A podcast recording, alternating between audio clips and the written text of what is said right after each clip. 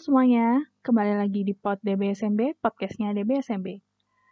Untuk tema podcast kali ini, uh, Fitri bakal membagikan pengalaman dari teman-teman dari beberapa prodi yang ada di DBSMB untuk bercerita nih gimana pengalaman mereka pada saat kuliah di masa pandemi seperti ini. Pastinya kan ada kelebihan dan kekurangannya juga.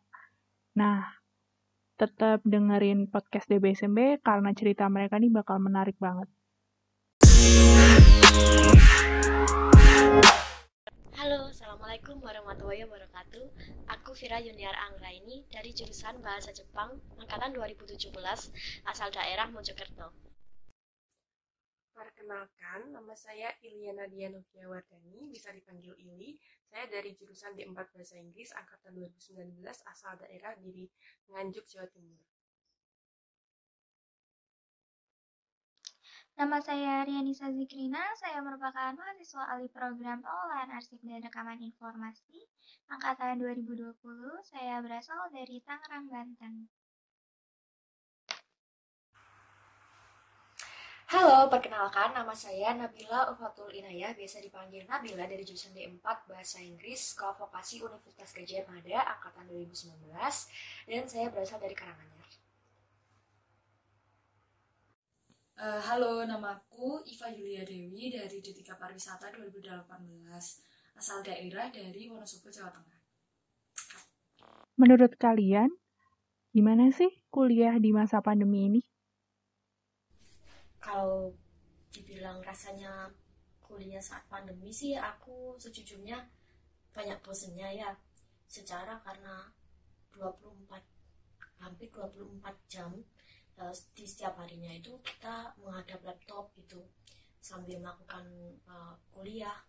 Terus habis itu uh, kita nugas juga di rumah. Karena kan uh, pandemi ini kan kita juga nggak boleh untuk keluar keluar rumah secara sembarangan kan kalau kita misalkan nggak perlu ya udah kita mending di rumah aja kan Bagaimana rasanya kuliah di masa pandemi ini? Di masa pandemi ini kuliahnya sih nano-nano alias campur aduk, tapi lebih banyak kesedihnya karena nggak bisa ketemu teman-teman secara langsung. Bagaimana kuliah di kala pandemi ini menurut saya challenging sih karena kan kita harus menyesuaikan diri adaptasi dengan sistem yang baru mana dulu kan kuliah offline atau luring sekarang menjadi kuliah online atau daring. Menurutku kuliah online ini lebih memicu kita kepada kemalasan karena minimnya tatap muka dalam perkuliahan. Dengan adanya kuliah online ini, apakah kalian bisa mengikuti mata kuliah seperti biasanya? Eh, menurutku pribadi tetap bisa. Jadi itu tergantung uh, kembali ke orangnya masing-masing. Kalau dia mau mengejar materi, misal uh, inisiatif untuk membuat rangkuman, kemudian lebih rajin dan tetap mengunduh materi-materi yang diberikan, mungkin tetap bisa mengikuti. Tapi presentasinya tidak sebesar kalau kita kuliah offline. Jika ditanya masih bisa mengikuti perkuliahan, ya masih bisa mengikuti, ya namun mungkin masih tahap adaptasi karena terbiasa dengan perkuliahan tatap muka sehingga ketika si pemateri tidak ada di hadapan secara langsung, itu rasanya masih agak gimana dengan adanya kuliah offline ini saya rasa saya bisa mengikuti kuliah sama seperti kuliah offline walaupun kuliah online rasanya lebih banyak dramanya. Kalau dibilang bisa mengikuti kuliah online aku jawab sih bisa. Cuma nggak se-efektif kalau kita uh, mengikuti kuliah offline. Hmm, sebabnya ya karena uh, beberapa kendala ya terutama kendala dalam fasilitas. Kadang tuh kalau misalkan kita melakukan kuliah online di Gmeet atau di Zoom uh, terkadang tuh sinyalnya nggak bagus. Akhirnya kita kadang keluar sendiri gitu. Atau misalkan saat kita mengikuti mata kuliah tiba-tiba kita nggak bisa menangkap apa yang dibicarakan um, dosen karena ya gitu suaranya putus-putus gitu. Tapi kalau bisa aku bilang uh, sejujurnya waktu aku melakukan pertukaran pelajar di Jepang aku juga melakukan kuliah online kan selama setengah tahun. Nah di situ aku benar-benar ngelihat perbedaannya antara kuliah online di Indonesia sama kuliah online di Jepang sih. Kalau kuliah online di Jepang bisa dibilang uh, lebih siap secara fasilitas juga sih. Uh, contohnya waktu itu aku terkendala di wifi ku yang sebelumnya itu lemot. Habis itu sama pihak universitas aku diberikan bantuan wifi baru untuk bisa mengikuti kuliah dengan baik.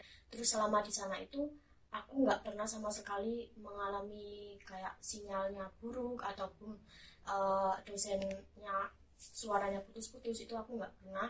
Jadi aku dapat mengikuti mata kuliah online itu dengan baik kalau dari saya pribadi sih saya tetap bisa mengikuti uh, proses pembelajaran dan perkuliahan secara daring atau online dibandingkan dengan kuliah offline. Tetapi mungkin uh, dalam hal penyerapan materi ketika proses belajar mengajar atau proses perkuliahan itu tidak lebih maksimal dibandingkan ketika kuliah offline gitu. Karena kan kalau misalnya kuliah online atau daring itu hanya melalui video call koordinasi hanya melalui WhatsApp group atau melalui Google Drive atau melalui Google Class gitu Classroom. Jadinya uh, mungkin secara interaksi dengan para pengajar atau dosen itu juga kurang jadi penyerapan materinya juga tidak maksimal.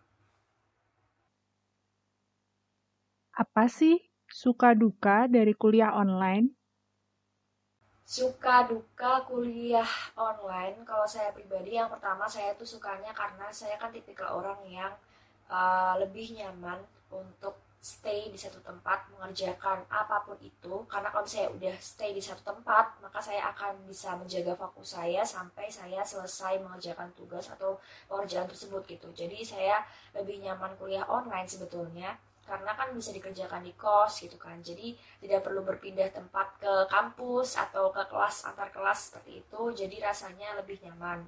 Dan yang kedua secara waktu juga lebih fleksibel gitu. Karena kan kalau misalnya kita uh, kuliah offline atau kuliah luring itu harus menyesuaikan dengan jadwal-jadwal yang telah tertera atau ditetapkan oleh pihak kampus. Jadi mau nggak mau nggak boleh terlambat. Tapi kalau misalnya di kuliah online waktunya terasa lebih fleksibel sehingga uh, bisa lebih santai juga gitu. Kalau misalnya kuliah offline kan terburu-buru karena biar gak telat jadi gimana pun caranya supaya bisa sampai kampus sesuai dengan waktunya dan melakukan uh, proses perkuliahan di kampus sesuai dengan jadwal yang sudah ditetapkan.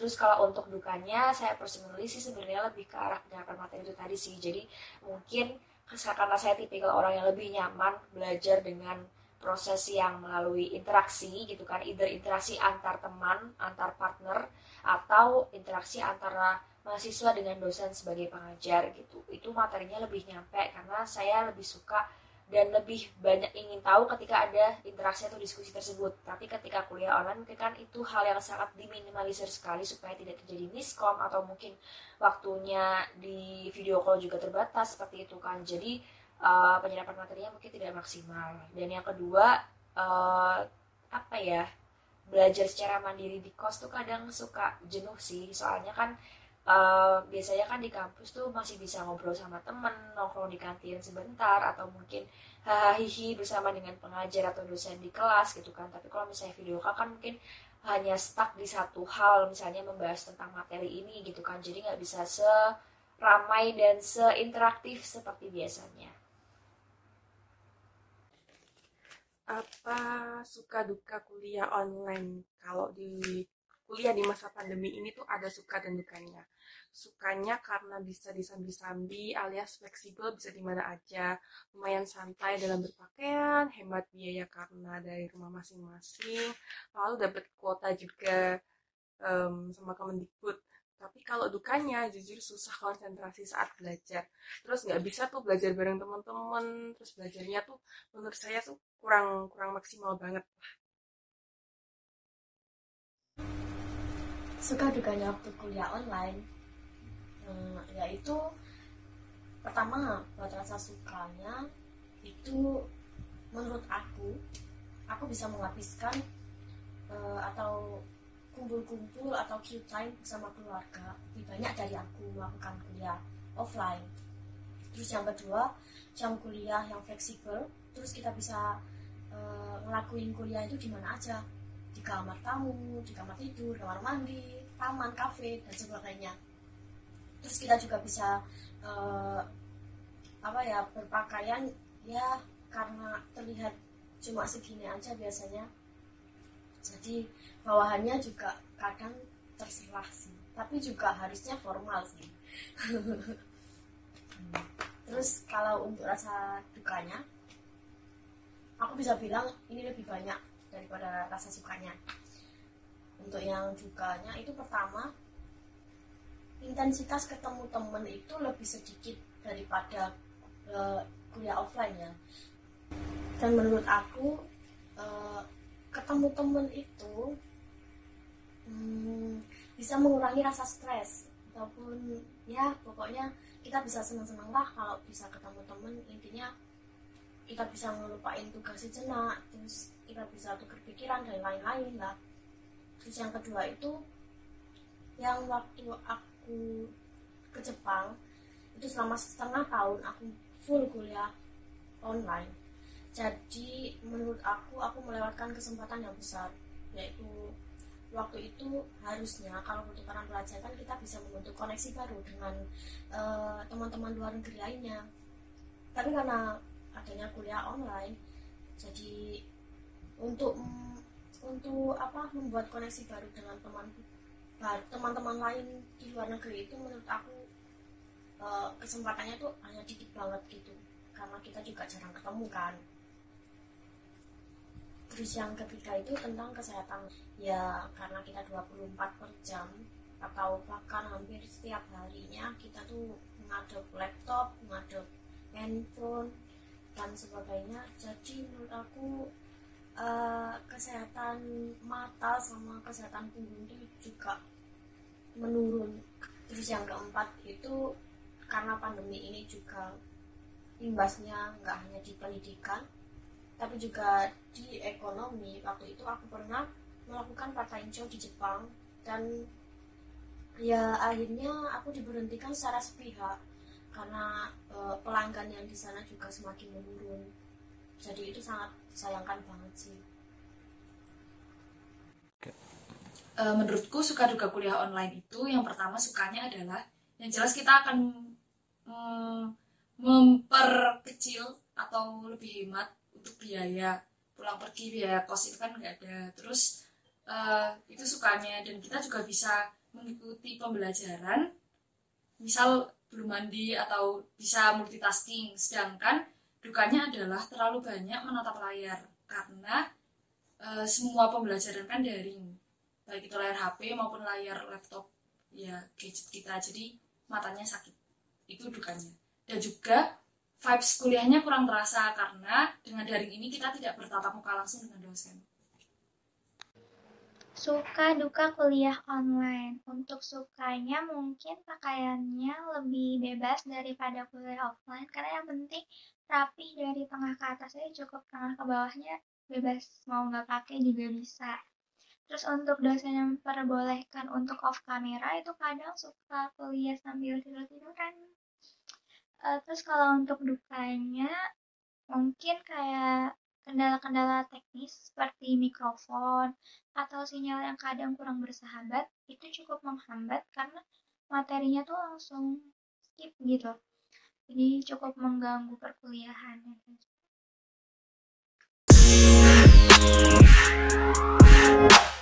Kuliah online dan juga kuliah offline pastinya memiliki perbedaan ya. Jadi menurut kalian apa nih yang dirindukan dari kuliah offline? Apa yang dirindukan dari kuliah offline? Yang dirindukan pas kuliah offline itu interaksinya. Interaksi langsung antara teman-teman lebih tepatnya bisa ketemu teman-teman, bisa jajan di kampus atau sekitarnya juga, nggak kebosanin dan nggak bikin stres juga. Yang aku rindukan dari kuliah offline itu banyak banget rasanya ya ya khususnya sih di lingkungan kampusnya ya suasana kampus yang dirindukan kayak kita tuh ngobrol-ngobrol sama teman secara langsung terus kita bisa ke kantin juga di sela-sela waktu kuliah. Terus habis itu kita bisa tanya pertanyaan yang kita nggak ngerti ke dosen secara langsung. Dan aku pikir itu uh, lebih efektif daripada kita nanya secara online. Terus kita tuh bisa ke perpus sepuasnya baca buku sepuasnya tanpa tanpa adanya pembatasan karena pandemi terus habis itu kita bisa ya refreshing sama refreshing sama teman-teman. Uh, setelah kuliah jalan-jalan ke mana gitu buat ya buat menghilangkan rasa stres akibat tugas yang banyak. Yang dirindukan dari kuliah offline.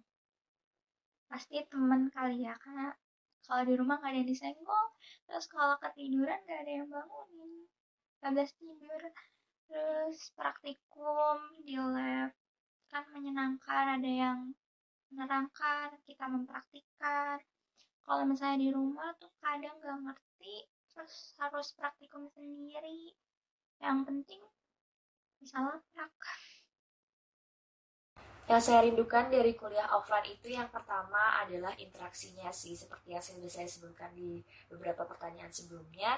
Saya lebih nyaman dengan interaksi jadi ketika um, kuliah offline itu yang saya rindukan adalah interaksi antara mahasiswa dengan pengajar atau mahasiswa dengan mahasiswa ketika mereka sedang berdiskusi mengenai sesuatu topik pembelajaran. Lalu yang kedua itu yang jelas teman-temannya sih karena kan uh, seru ya misalnya kita bisa menjadi selingan refreshing gitu antar kelas ada jam istirahat lalu kita bisa mengobrol dengan orang-orang yang sefrekuensi dengan kita atau mungkin mengobrol mengenai hal-hal di luar akademik di luar perkuliahan itu terasa lebih seru dan tidak jenuh tidak membosankan sebagai metode untuk refreshing kecil juga gitu kan. Jadi uh, menurut saya ya itu sih dua hal yang saya sangat rindukan ketika saya kuliah secara offline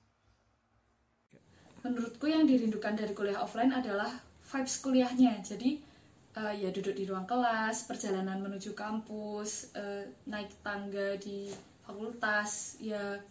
Dan juga tatap muka dengan dosen karena dengan tatap muka itu mempengaruhi kualitas belajar kita penangkapan kita daya tangkap kita terhadap materi. Adakah saran nih dari kalian untuk teman-teman yang sedang berkuliah untuk menikmati masa kuliahnya itu seperti apa? Um, cara menikmati masa kuliah yang pertama menerapkan metode belajar yang benar karena dengan metode belajar yang benar itu akan mempengaruhi mood kita ke depannya. Kedua, hmm, bisa nih kalau misalnya sudah benar-benar merasa jenuh, bosan, itu mencari hiburan yang sesuai dengan uh, hobi kita. Misal pergi keluar ke teman, belajar ya nggak belajar sih. Uh, mungkin makan makanan favorit cheating day dan lain sebagainya. Dan yang terakhir bisa banget kalau memang sudah merasa nggak kuat atau jenuh atau pusing uh, kalau memang waktunya healing jangan memaksakan diri. Jadi membiarkan semuanya mengalir. Jadi go with the flow. Seperti itu Oke, okay, ini mungkin bisa menjadi salah satu closing statement juga gitu ya. Uh, saran untuk menikmati masa kuliah, menurut saya sih uh, yang paling penting adalah yang pertama itu mencari rekan, partner, teman, apa pun itu yang bisa diajak diskusi, tapi juga bisa diajak mengobrol mengenai hal-hal di luar akademik atau di luar di luar hal-hal perkuliahan gitu. Jadi um, biar suasana itu bisa ganti-ganti dan apa ya ketika kita memiliki partner atau teman yang sefrekuensi otomatis kan pasti akan lebih menyenangkan kan proses untuk pembicaraannya selain hal-hal bersifat akademik. Jadi itu akan membuat kita jadi lebih menikmati masa kuliah gitu kan. Terus yang kedua itu adalah dengan uh, membuat timetable personal untuk diri kita sendiri selama masing-masing jenjang kuliah. Misalnya tahun pertama mau ngapain tahun kedua mau ngapain tahun ketiga mau ngapain tahun akhir atau semester akhir mau ngapain sebelum lulus gitu kan. Supaya hal-hal tersebut itu tidak terjadi secara tumpuk-tumpuk gitu. Jadi ketika sudah punya struktur atau uh, sistem tersendiri di hidup kita nih di hidup di sistem perkuliahan kita secara personally itu bisa jadi lebih uh, enjoy gitu ke depan-depannya. Jadi misalnya tahun pertama, kalau saya personally tahun pertama saya fokuskan ke kegiatan kemahasiswaan, organisasi, event, kepanitiaan dan lain sebagainya untuk menambah pengalaman, menambah teman dan juga untuk memperkaya portofolio atau CV kita. lalu tahun kedua itu saya lebih berfokus kepada hal-hal yang berbau organisasi dan juga forum-forum yang sifatnya lebih serius lagi ke depannya gitu karena kan di situ uh, saya posisinya bisa semakin banyak menambah insight dari orang-orang gitu kan menambah circle pertemanan juga menambah networking juga untuk ke jenjang yang selanjutnya. Nah di tahun ketiga biasanya saya itu lebih banyak uh, involve di kegiatan-kegiatan event-event yang di luar di luar kampus gitu kan. Karena biar lebih wide lagi networkingnya selain itu saya juga mencoba untuk part time atau magang di institusi atau eh, kantor-kantor uh, atau perusahaan tertentu yang saya inginkan. Dan di tahun keempat saya biasanya berfokus kepada uh, tugas akhir atau skripsi supaya bisa cepat lulus dan juga mencari kesempatan untuk bekerja di tempat-tempat yang saya inginkan. Nah, dengan mengeset atau mengeset apa ya, dengan mengatur sistem atau uh, timetable untuk personal secara personal untuk masing-masing jenjang itu kita jadi bisa lebih menikmati masa-masa kuliah jadi nggak terlalu stres untuk hal-hal di luar uh, dari lingkup yang harus kita kerjakan atau yang telah kita rencanakan di tahun tersebut seperti itu. Yang pertama itu mencari teman-teman sefrekuensi dan yang kedua adalah untuk membuat atau mengatur uh, apa ya structure bukan structure sih lebih ke itu tadi timetable personal untuk masing-masing jenjang supaya bisa lebih maksimal lagi jadi lebih enjoy di masa perkuliahan.